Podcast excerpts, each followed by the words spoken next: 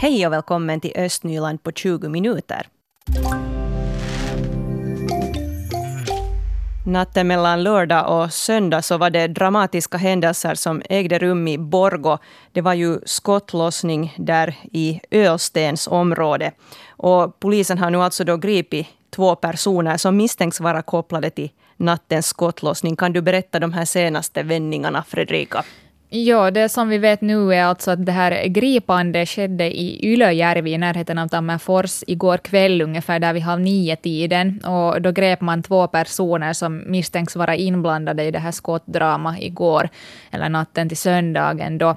Och det handlar ju då om att två poliser besköts där på, på Östens industriområde i samband med en utryckning där eh, ungefär vid halv ett-tiden på, på natten. Och det här gripandet skedde efter en biljakt som pågick i, i cirka en timme. Och enligt polisen då så sköt de här misstänkta mot polisen från sin bil under den här biljakten och körde också mot dem. Eh, polisernas fordon fick skada, men så vitt vi vet så har inga människor skadats i, i, i det här. Då. Mm. Och det var ju ganska dramatiskt också. Det var ju många som satte sen på sociala medier in foton då hur det hade sett ut där i Tammerfors. De som körde förbi så fick ju se hela händelseförloppet då, de här gripna som var där vid vägkanten och, och polisen som stannade dem med vapen. Och, och det var ganska stor dramatik där. Mm, precis, det hade varit en ganska, ganska snabb biljakt. Jag såg en video också som figurerar där i kvällspressens, eh, eller på kvällspressens nätsidor. Men sen ska man ju kanske då vara lite försiktig och källkritisk också med, med material eh, som man ser på sociala medier, om inte polisen själv går ut med det också, för att eh, det förekom vissa sådana bilder som nu kanske inte bekräftade att de är just där från det där, den där platsen då. Nej, precis. Så att det där, vi får nu se hur, hur det hela artar sig. Mm. Polisöverdirektör Seppo Seppo Kolehmainen sa igår kväll till Yle att polisen utreder nu vilka de här två gripna personerna är och om de har koppling till söndagsnattens skottlossning. Man har inte ännu bekräftat att det är just de här två människorna som då har skjutit de här poliserna igår. Och han tar inte heller ställning till de misstänktas nationalitet eller bakgrund eller om det här fallet är kopplat till organiserad brottslighet. Så att uh, det vet vi om, om det här gårdagens gripande sen där, där på kvällen. Ja, och i det här skedet är det lite oklart ännu när myndigheterna kommer att informera nästa gång om de här händelserna. Men vi följer ju med givetvis mm. läge. Och också där natten mellan lördag och söndag så var det ju väldigt många Borgobor som hörde att någonting var på gång. Det var helikopterljud och, och det var mycket polisbilar, en massa polisbilar och, och fordon i, igång där på området vid Ölstens. Så det var nog inte, inte svårt att märka att någonting hände där, men att sen innan folk nu sen fick veta vad det riktigt var som var på gång så tog det ju förstås eh, sin tid.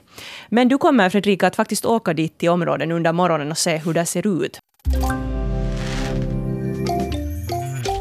Och nu har jag Mikael Crawford, vår regionchef här i studion. God morgon. God morgon.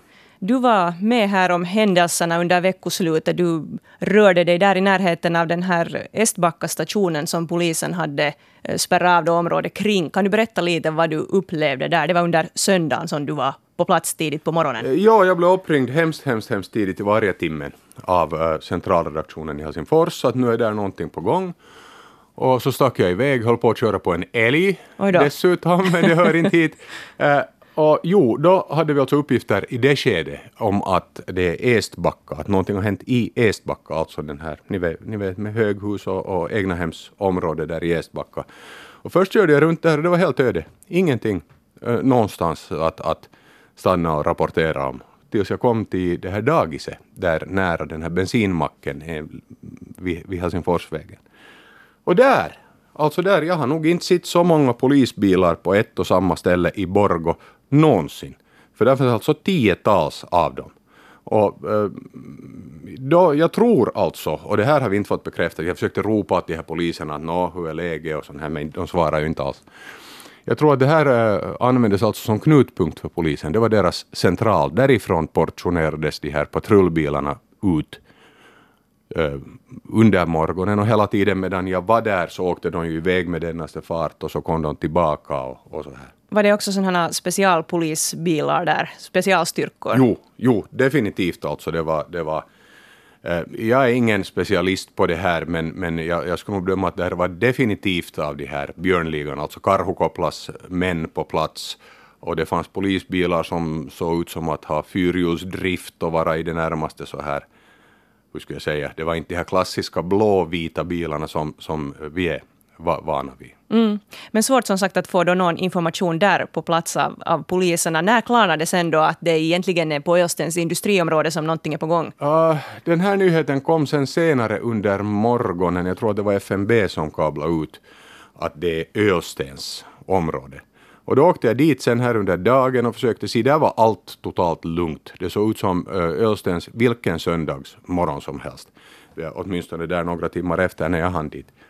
Och, och det här, sen ännu senare kom det ju fram vilken äh, adress, alltså vilken gata. Vi vet fortfarande inte exakt adress där det här hände, men vi vet att det hände på verkstadsmontörs eh, Mekanikervägen. Ja, förlåt, ja. verkstadsmekanikervägen. Krångliga namn de ja. Precis, så att det är där som det har hänt det hela. Men, men det har ju varit ganska så här knappt med detaljer tills vidare. Det vi vet nu är ju att polisen igår kväll grep två personer som man då misstänker att är kopplade till den här skottlossningen då två poliser här i Borgå besköts. Men man har ju inte bekräftat nu ännu heller att har de här någon koppling till det här fallet eller inte. Nej, det, det, är nog hemskt lite vi, vi vet. Och det, det, är lite underligt den här polisens, alltså mm, jag kritiserar inte polisen här för det, de misstänkta för det här brottet är ju nu definitivt fast. Och det skedde trots allt utan att, att utomstående kom till skada. Så, så det här polisens spaningsarbete har ju bevisligen nu enligt vad vi nu vet, gett lätt till resultat. Samtidigt så vet jag, jag hörde av människor att ungdomarna i Borgo redan i ett tidigt skede visste nu pratar vi alltså, säg, eh, och det här är ungefärliga uppgifter nu, eh, ungefär halv två-tiden på natten, så då visste ungdomarna i Borgå, alltså de som rör sig nattetid med bilar och så här, att någonting är på gång, utfartsvägar är, är, är det här stängda, polisen har jättemycket granskningar, men vid det skedet hade polisen inte gått ut med de här uppgifterna, enligt vad jag nu vet, till allmänheten. Och det är lite intressant tycker jag. Jag tycker att när sånt här sker, när det är en operation att det är många polisbilar på ett och samma ställe, när man stänger av vägar, så riktigt då samtidigt borde, tycker jag, den här informationen gå ut till allmänheten. Nu kom den först någon, timme, eh, någon tid åtminstone senare. Mm. Och intressant är ju också i det här fallet att man inte har gett någon form av, eller man gav inga signalement på de här personerna som man efterlyste. Så ingen kunde ju på det sättet veta riktigt vad det är för människor som polisen är ute efter. Nej. Sen å andra sidan, vad det gäller oss här i Östnyland så gick ju polisen nog ett ganska tidigt skede ut och sa att, att de här misstänkta förövarna har nog lämnat landskapet och att man kan vara lugn här i Östnyland. Mm. Och vi har ju en grej om det där vi pratar med Borgåbor och, och det, det verkar ju nog helt harmoniskt. Att så tillvida är ju allt okej. Okay. Ja, de här Borgåborna ska vi höra här under morgonen. Eh, vad som nu pågår för tillfället är ju lite oklart. Eh, tidningen Ilta-Sanomat skriver om att polisen fortfarande har någon form av operation på gång som gäller det här fallet. Eh, bland annat då så har Ilta-Sanomats fotograf här enligt tidningen sett poliser där i närheten av det här online-motellet i Ölstens. Så att vad som riktigt händer och vad man har för verksamhet på gång. Det är ju ingenting som man från polisens håll har bekräftat på något sätt. Eh, nej, de, de har ju alltså inte bekräftat att den här operationen eh, kring det här motellet i natt har någonting med den här skottlossningen att göra. Det, det, det, är inga, liksom, polisen har inte bekräftat att det har någonting med det att göra, men polisen säger att vi har operationer nog på gång i anslutning till, till det här. Och eh, det är ju normalt, antar jag igen, utan att ha djup insyn i polisarbete, att det blir ju uh, öppna trådar som man följer upp. Uh, jag är ju också intresserad av vilken sorts, uh, vilket alarm det var som ursprungligen kom till polisen. Vad var det som ursprungligen hände på det här i det här området, sen där det, som fick polisen att komma dit från första början? Mm. Jag menar, någonting är det ju alltid orsak till en utryckning. Precis. Och det klarnar kanske så småningom. Eh, det har ju polisen sagt att man är väldigt intresserad av den personen som kontaktar nödcentralen. Så ja, att... till exempel det ja. Och, och det här, jag, jag menar, jag vet faktiskt prata med människor som åkte buss från Helsingfors där på natten och troligen såg eh, Alltså två alternativ. Antingen var det den här utryckningspolisbilen som kom emot, eller så var det den polisbil som var den första som larmades till platsen efter den här skjutningen. För det var där det började ungefär halv ett kom den första polisbilen ungefär just här vid Estbacka emot. Det var människor som åkte alltså buss till Borgå som har berättat det här åt mig. Och det var egentligen där det började. Det är vi inte säkra på att kom det till den här, också den här ursprungliga utryckningen med blåljusen blinkande och så här, så jag säger inte vilken det var, men det var just här det fick sin uppringning. Vår reporter Fredrika Sundén är på väg nu till området där i Östens där de här händelserna har ägt rum och vi ska höra en rapport, rapport av henne här någon gång mellan klockan halv åtta och åtta. Vår reporter Fredrika Sundén hon har nu tagit sig dit till Verkstadsmekanikervägen i Östens, där det alltså hände och skedde under veckoslutet. Det var alltså två poliser som besköts i samband med en utryckning där till industriområdet i Östens vid halv ett-tiden natten mellan lördag och söndag. Och de här två poliserna togs sen in på sjukhus. En av poliserna har redan fått lämna sjukhuset medan den andra fortfarande får vård för sina skador. Men eh, tydligen ska inte skadorna vara livshotande. Eh, Fredrika Sundén, god morgon. God morgon, god morgon. Hur ser det ut där vid Östens den här morgonen? Nu ska vi säga så att det ser ganska lugnt och idylliskt nästan ut. Det är en väldigt fin morgon här för det ska bli ganska varmt väder idag. Så, så det där här en sån här lite disig imma här över, över en sån här äng här i slutet av den här verkstadsmekanikervägen. Eh, annars så är det ju en sån här väg då där det finns en massa olika sådana industrihallar eh, den här vägen då och det är ganska som sagt lugnt här nu den här morgonen. Jag har inte sett något spår av varken något avspärrningsband eller, eller något annat som skulle tyda på att här har varit en polisoperation överhuvudtaget. Så att eh, som det nu ser ut här på platsen så är det en helt, helt normal morgon att här är nu bilar som kör till och från de här företagen som finns här längs vägen och, och folk som far på jobb och, och, så här. Men att i övrigt ganska, ganska lugnt och, och stilla. Nå, vad vet vi i det här skedet om detaljerna? Eh, no, polisen har ju varit ganska förtegen i det här fallet och det är antagligen av utredningstekniska skäl att man vill inte tipsa eventuella förövare som kanske finns någonstans ännu. Eh, det som vi vet var att eh, polisen igår vid halv nio-tiden grep två personer där i Ylöjärvi i närheten av Tammerfors efter en biljakt som pågick i cirka en timme Eh, och kvällspressen har pratat med ögonvittnen som bland annat då har sett en sån här svenskregistrerad Volvo köra förbi i ganska hög fart där på motorvägen och sen en, en massa polisfordon därefter sen. Och polisen eh, misstänker att de här personerna har något att göra med den här skottlossningen som skedde då och, och skadade på två poliser. Och under den här biljakten så sköt också de misstänkta mot polisen från sin bil och körde mot dem. Eh, så vitt vi vet så har inga människor skadats ändå i den här biljakten. Eh, sen har polisen också varit ganska förtegen om eh, andra detaljer. De har bland annat inte tagit ställning till de misstänktas nationalitet eller bakgrund eller om fallet är kopplat till organiserad brottslighet. Eh, så att ungefär sånt. Eh, det som de ändå berättade på ett pressinfo igår är att det verkar som om de här gärningsmännen var ute efter att skada en myndighetsperson och att de här poliserna hotades och besköts genast när de kom till platsen då för den här utryckningen som de åkte ut på. Och det var då så här på verkstadsmekanikervägen där jag står nu. Och polisen avslöjade inte vem som ringt nödcentralen men man bekräftar så mycket att man är också intresserad av den personen. Tack för den här rapporten Fredrika.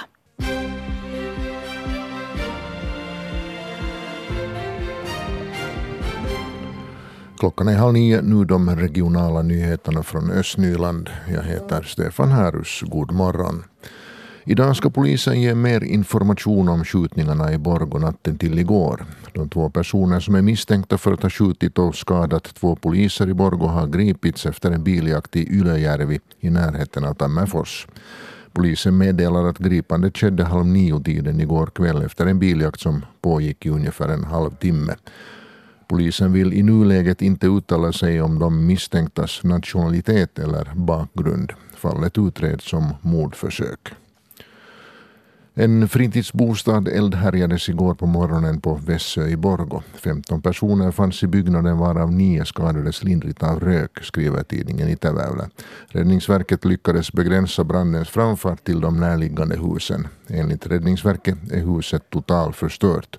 Brandorsaken är tills vidare okänd. Reparationerna av källargångarna på fastigheten vid Laxvägen 3 i Vårberga i Borgå kommer att ta veckor i anspråk. Det var i torsdag som det uppstod ett läckage i fastighetens värmeväxlare. Det tog en och en halv timme innan energibolag och räddningsverk fick stopp på det heta vattenflödet. Vattnet skadade varken trapphus eller lägenheter men källargångarna behöver totalrenoveras. Först ska källargångarna torkas och efter det ska ytorna fräsas bort innan de förses med ny yta och ny målning. VD Johan Nyholm vid AP Disponentbyrån i Borgå säger att ett läckage av den här dimensionen inte hade varit möjlig i en bostad. Så sport. Futuras herrar fotboll division 3 vann stort över Hyvinkään palloseura under helgen. Matchen slutade 23-0 till Borgolaget. Futura ligger trea i tabellen med 37 poäng, 7 poäng under ledaren. Hyvinkään palloseura är för sin del på jumboplats i tabellen. Sin följande match spelar Futura på torsdag då de möter Joki från Jokela.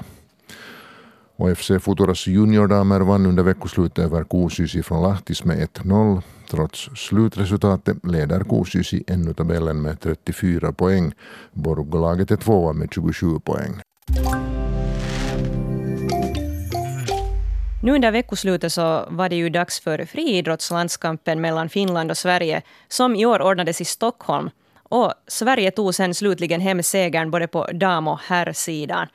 Och det var många östnylänningar också som var på plats under veckoslutet, bland dem Elias Aalto från IF Sibbo-vargarna. Och han sprang i herrarnas 400 meter på lördagen och i herrarnas 200 meter på söndagen och så deltog han också i stafetten för herrar på 4 gånger 400 meter. God morgon Elias Aalto. God morgon. God morgon. Du kom trea där på 400 meter på din individuella sträcka, alltså med tiden 47.58 och du gjorde personbästa. Hur känns det? No, jag är nog väldigt nöjd. Väldigt nöjd att äntligen fick jag, fick jag persa på nytt. Gamla rekordet var två år gammalt så det kändes nog väldigt bra. Vad var det som gjorde att du lyckades så bra den här gången? Eh, jag började ganska hårt. Det var nästan uh, likadant som i Kalevasspelen men nu var förhållandena lite bättre. Det var lite varmare och tävlingen, tävlingen var ju förstås också lite tuffare så man fick lite extra boost därifrån. No, men härligt, härligt. Och sen kom du eh, sexa där på 200 meter med tiden 21.18. Vad, vad tyckte du om det resultatet? Då, jag var lite besviken att jag var sexa, men sen när jag fick höra tiden så var jag också väldigt nöjd för att det är ju mycket under gamla rekordet. Men lite för mycket vind hade vi. Men det var en väldigt hård tävling. Fyra killar sprang under 21 sekunder, så det händer sällan. Så vi förlorade, förlorade, inte med dåliga tider alls. Nej, precis. Och, och sen i, i den här stafetten då så kom Finland tvåa där Sverige tog hem segern. Hur kändes det att springa den där 4 gånger 400 meter? No, det var också en liten besvikelse. Vi var alla ganska trötta redan efter veckoslutet. Så det lyckades inte helt så, så bra som vi hade tänkt. Precis. Sverige vann ju, vann ju den här gången. Ja. Men, men jättefint med ett personbästa där. Och, och, så där överlag, hur kändes det att vara med i landskampen den här gången? Det kändes nog jätte, jättefint fast Finland förlorade, förlorade det här landskampen. Men det har varit varje gång jättefint. Det har varit jättefint att vara med. Det är en av de bästa tävlingarna jag, jag har del, deltagit. Och det var nu tredje gången du var med i landskampen. Elias Aalto, hur fortsätter nu säsongen för din del? Eh, det var faktiskt den sista individuella tävlingen för mig. Men om två veckor uh, springer jag ännu i FM-stafett i Ylivieska. Där har vi ett lag med Sibbovargarna ännu. Okej. Och sen, sen slutar jag säsongen. Och vad händer sen? Hur ser målsättningarna ut framöver? Sen vilar jag några veckor. Jag har några små krämpor som jag måste fixa. Men sen i början av oktober börjar jag träna hårt sen igen. Just det. Och vad skulle vara drömresultatet nästa säsong? Nästa säsong så skulle jag vilja eh, underskrida de här 47 eh, sekunder på 400 och 21 på 200. De skulle vara ganska fina resultat redan. Vi ska hoppas att du lyckas där. Tack ska du ha Elias Aalto för pratstunden och vi önskar dig lycka till här framöver. Tack så mycket. Tack så mycket. Östnyland på 20 minuter är en svenska YLE-podcast. Det finns flera poddar på arenan. Jag heter Katarina Lind. Tack så mycket för sällskapet. Vi hörs!